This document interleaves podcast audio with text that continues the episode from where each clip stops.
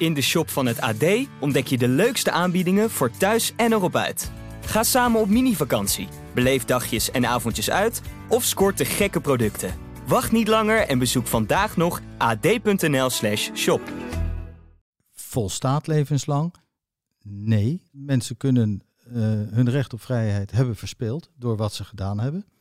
Maar ook als je kijkt naar de nabestaanden, dan, dan betekent dat dat die mensen dus, en vaak zeker als het hele jonge nabestaanden zijn, die leven dus 25 jaar met de gedachte, oh wacht even, over 25 jaar kan die vrijkomen.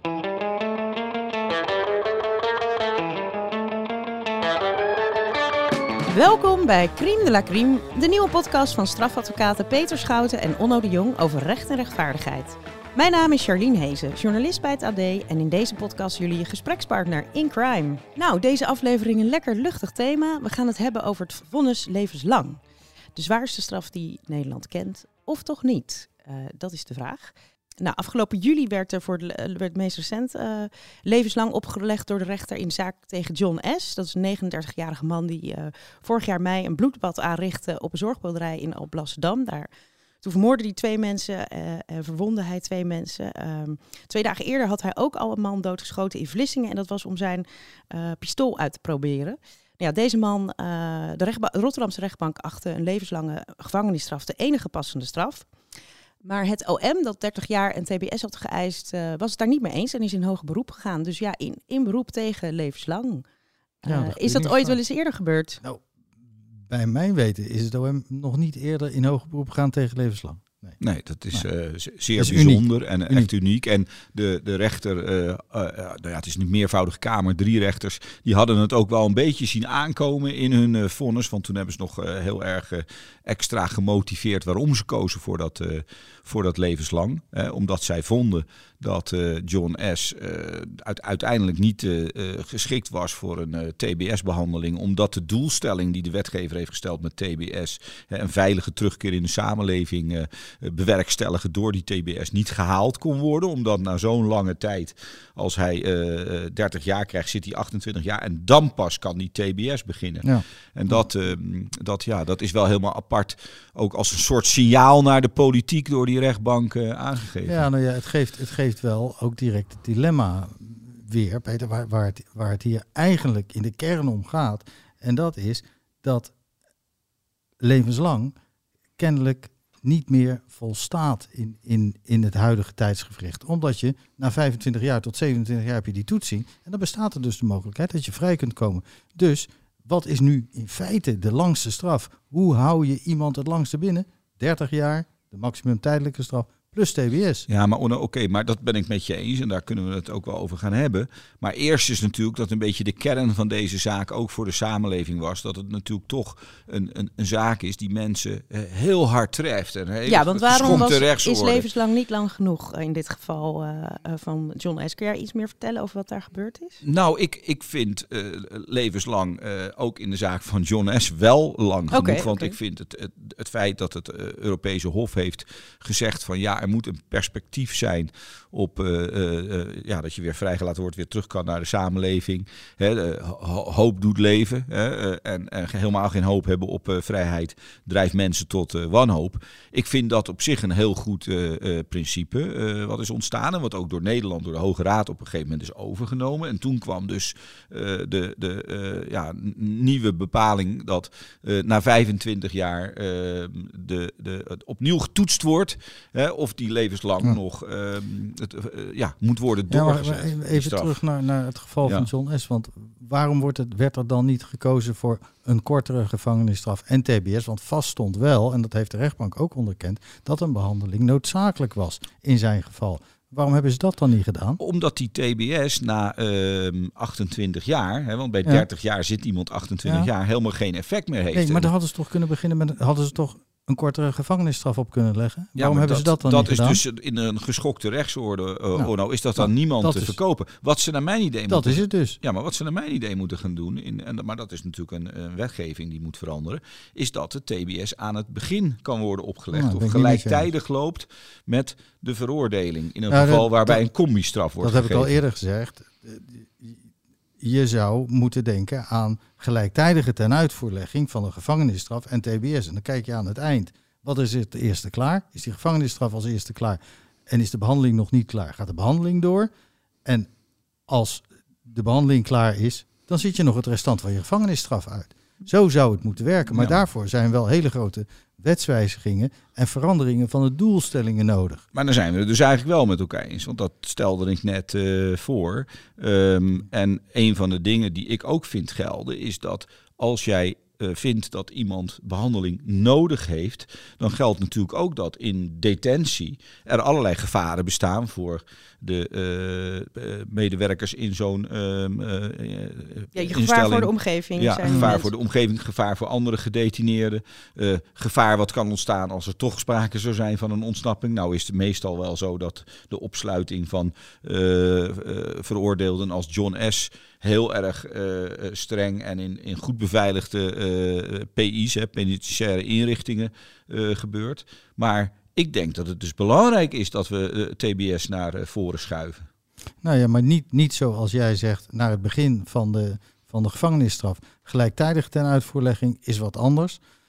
Maar eerst behandelen en dan gevangenisstraf ten uitvoerleggen, dat, dat vind ik geen goede volgorde. Maar, goed, maar dat is dus nu niet, dat is nu niet aan de orde. Want nee, uh, John S. die komt, die gaat gewoon voor, vooralsnog uh, in ieder geval op zijn minst 28 jaar de bak in. En, ja, daar, en dan ja. wordt hij niet behandeld. Nee, en dat, dat spreekt de rechtbank dan ook uit. Uh, en dat is denk ik ook de reden dat het OM in hoger beroep gaat. Van dat het risico bestaat dat hij dus na 25 jaar onbehandeld op straat komt. Ja, want John S., wat, kan je daar iets meer over vertellen, Peter? Wat dat voor man... Uh, nou ja, hij um, was zelf uh, cliënt uh, bij die zorgboerderij. Dus er was psychisch ook een steekje aan hem los kennelijk... waarom hij die, die zorgboerderij ook nodig had mm -hmm. om er weer bovenop te komen. En in die tijd ehm, kreeg hij een relatie die hij zelf afdwong...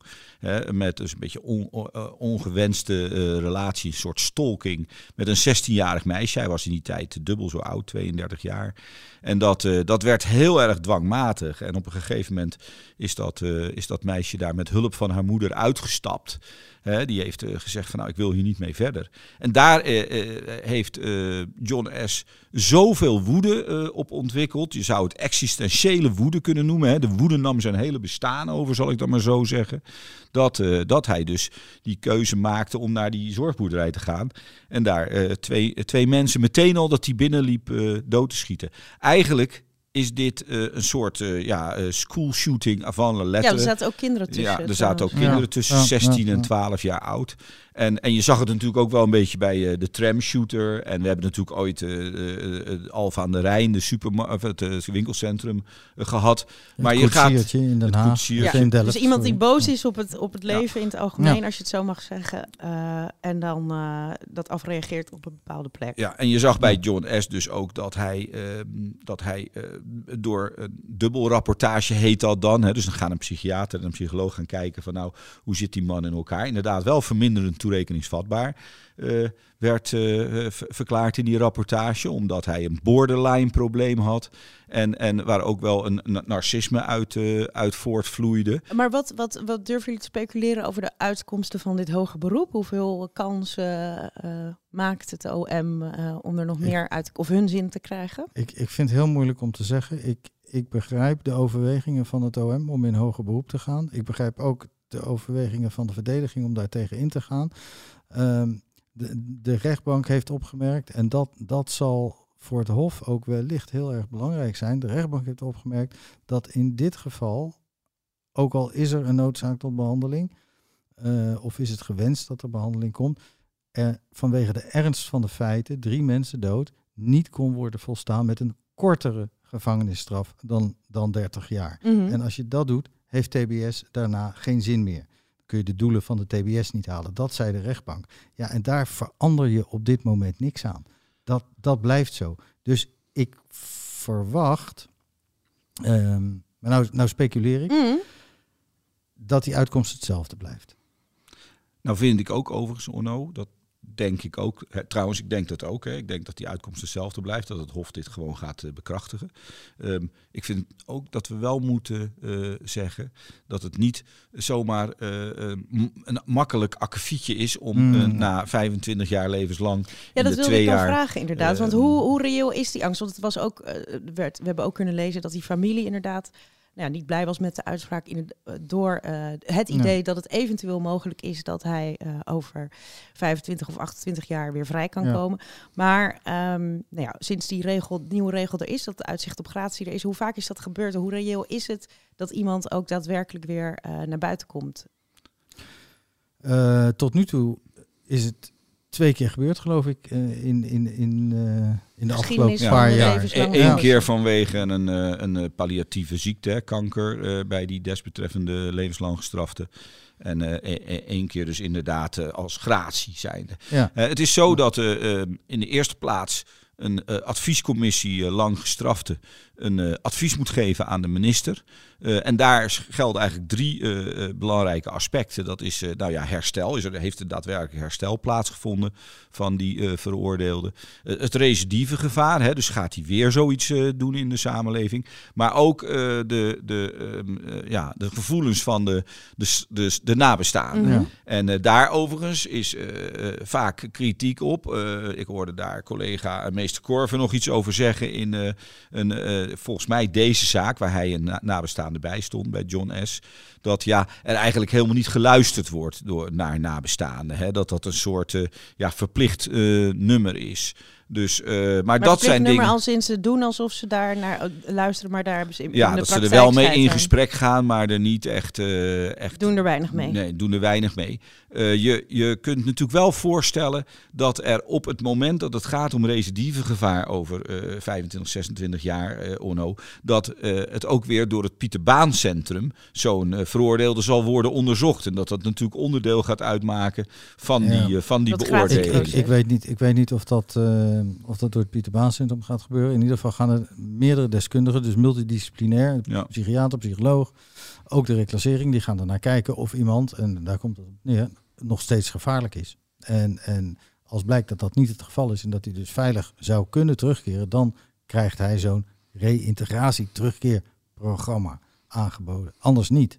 Tot nu toe is het twee keer gebeurd. Ja, en dan is er dus ook een, een wetswijziging, had ik begrepen, dat behalve de minister dan ook uh, de rechtbank, de rechtbank en, en uh, de um, officier van justitie of het Openbaar Ministerie daar een uh, advies over moeten gaan ja. geven. Want dat ja, is dus nu ja. niet een nee, verplicht nou, nummer. in, in, in de gratieprocedure momenteel gebeurt het ook, adviseert het OM ook en, en, en de rechter van destijds, als hij er nog is, die leeft, die, die, die legt ook een advies neer en uiteindelijk beslist de minister. Maar dat is nu ook. Alleen nou, het is een bindend advies. Ja, nou zitten we natuurlijk bij dit soort zaken eigenlijk altijd te praten over mensen die iets doen wat geen normaal mens uh, zou doen. Nee, want hoeveel uh, mensen hebben er levenslang? Hoeveel mensen zitten er nu voor levenslang vast in 54 toch? Ja, dus, zoiets.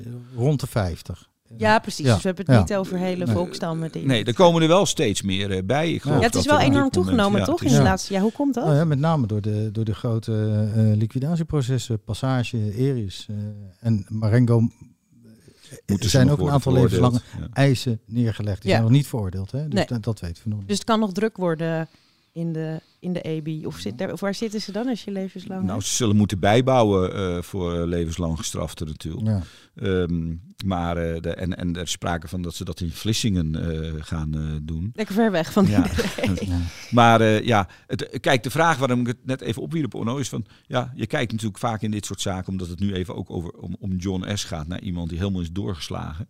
Maar als je nou kijkt, is, is levenslang de juiste straf. Hoe moet je daar nou over nadenken als het bijvoorbeeld gaat om iemand die uh, als, als uh, leider van een criminele organisatie opdracht geeft tot uh, het vermoorden van 100 mensen? Mm. Wat denk jij? Heeft hij ook over 25 jaar dezelfde kansen als John S. om dan weer vrij te komen? Dat, dat, dat denk ik wel. Ik denk dat dan misschien het aspect van, van de gevoelens bij de nabestaanden wat zwaarder zal wegen, omdat er meer nabestaanden zijn.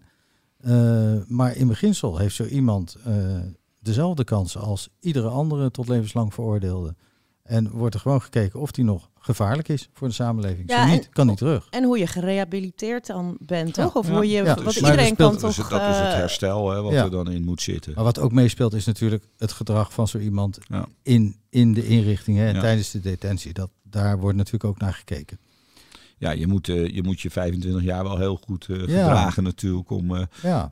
in aanmerking te komen voor die gratie. Maar uiteindelijk is die beoordeling is die nog gevaarlijk. Zo nee, dan kan die terug. En dat is natuurlijk ook volstrekt terecht, want je kan natuurlijk niet laten ontstaan dat door het na 25, dan na 28 jaar meestal, hè, ook bij levenslang, gratie te verlenen, gaat krijgen dat iemand naar buiten loopt en meteen weer uh, een, uh, op een, uh, nee, de, zorgboerderij. Dat, dat, maar dat gebeurt dus dan ook, niet zomaar dan, toch? Nee, maar dat, dat is in feite ook maar één aspect van de strafdoelen. Hè. Dan, dan kijk je naar de, hoe de samenleving ermee omgaat. Dus de, de generale preventie, zoals wij dat noemen als advocaten. Maar er is ook het aspect van de vergelding. Het kan natuurlijk ook zo zijn dat iemand uh, zijn kans op vrijheid of, of zijn recht op vrijheid door de ernst van zijn feiten zodanig heeft verspeeld dat je niet anders kunt concluderen dan dat hij gewoon voor altijd vast moet blijven zitten. Maar dat zit niet in, in uh, de nieuwe wetgeving, die als het ware is ontstaan nadat het Europese Hof heeft gezegd van nee, ja, de, de wet vindt, vindt dus wel niet wat jij zei. Eigenlijk is ja, dus de, de huidige wet is het niet met jou eens in de zin van dat, dat, uh, dat de sleutel weggegooid mag worden. Ik, ik, ik vind dus van wel, nou ja, sleutel weggooien, dat klinkt zo negatief alsof je nooit meer naar iemand opkijkt. Want ik vind wel dat je iemand die, die, ja, maar dat, dat je iemand die levenslang heeft, dat je, uh, dat je die een humane detentie moet bieden. En, en, uh, bijvoorbeeld het recht op een huisdier.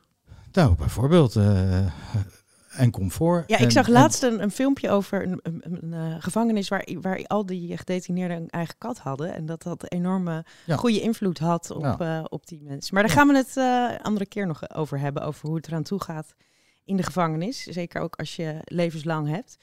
Um, uh, maar de, eigenlijk wilde ik eigenlijk afsluiten met de vraag van, maar is levenslang, en volgens mij, misschien hebben we het antwoord al een klein beetje, maar is het nog wel toereikend? Ja, uh, of, in, of is het nu een onzinnige, uh, onzinnig vonnis geworden in nee, jouw nee, nee, nee, nee, zeker niet. En, want laten we wel wezen, 25 jaar zitten is ook, is ook nog een heel eind hoor. Ja, dat, dat lijkt mij wel. Maar, maar volstaat levenslang? Nee, omdat nu ik, ik, zei net al, mensen kunnen uh, hun recht op vrijheid hebben verspeeld door wat ze gedaan hebben. Maar ook als je kijkt naar de nabestaanden, dan, dan betekent dat dat die mensen dus, en vaak, zeker als het hele jonge nabestaanden zijn, die leven dus 25 jaar met de gedachte, oh wacht even, oh, 25 jaar kan die vrijkomen. Nou, dat, dat, dat vind ik een martelgang. Dat, dat, dat moet je mensen niet aan, aan kunnen doen. Ja, want het is eh, ook dus belangrijk hoe gaat de samenleving hierop reageren. Ik weet ook van een zaak die mensen allemaal zo ernstig vonden dat toen uiteindelijk dan de veroordeelde gewoon uh, in vrijheid werd gesteld. Hij nergens meer kon wonen en ze een huisje moesten bouwen voor hem in de ring van het uh, gevangenisterrein. Dit is geen grapje. Dus ehm, dat, dat, krijg je. Je nog. ziet het ook altijd met, met zedendelinquenten, Peter, die, die dus bijna geen woning meer kunnen vinden. Hè, omdat dat gemeld moet worden aan, aan de gemeente als er iemand in die gemeente komt wonen. En dat zo'n gemeente dan gewoon dat dwarsboomt dat hij daar een woning kan huren. Dus ja, je, je ziet dat op alle vlakken. Dus laat staan bij dat soort feiten. Ja, de zedendelinquenten in de Verenigde Staten, die hebben eigenlijk levenslang, want die moeten overal, die zijn geregistreerd. Ja, en overal die kan je op internet vinden. Registratie kun je die weer vinden, dus die mensen hebben nergens een leven meer. En die gaan dan bij elkaar in de buurt wonen een beetje. Dat, ja, dan krijg je wel een heel apart, uh, een heel apart dorp, ja. ja. Uh, maar, maar goed, jij bent eigenlijk wel tevreden met uh, hoe levenslang nu geregeld is? Uh, ik, vind, ik vind dat het zo goed is geregeld. Um, ik vind wel en ik voel echt wel veel ook voor het idee van uh, Onno dat uh, uh, inderdaad aan het begin dat gelijktijdig zou moeten lopen. Dat kan dus nu niet. kijk, het, het, is natuurlijk de, de botsing van, van de doelstellingen. Hè. Een gevangenisstraf is er om iemand binnen te houden en na zijn gevangenisstraf gaat hij weer naar buiten. Behandeling, TBS-behandeling is er voor om iemand naar de vrijheid en naar terug de, de samenleving terug te geleiden.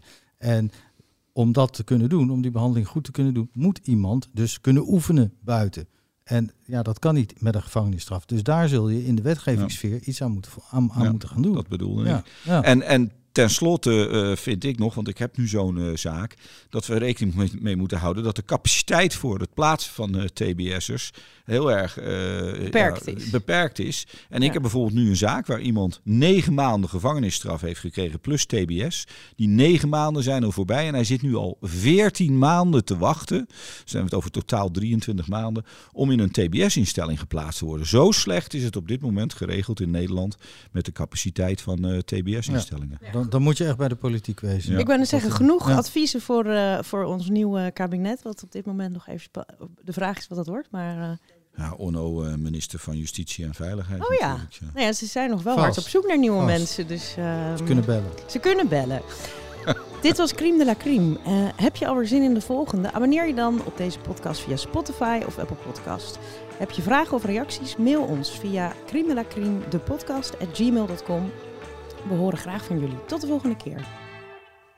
In de shop van het AD ontdek je de leukste aanbiedingen voor thuis en erop uit. Ga samen op mini-vakantie, beleef dagjes en avondjes uit of scoort de gekke producten. Wacht niet langer en bezoek vandaag nog ad.nl/shop.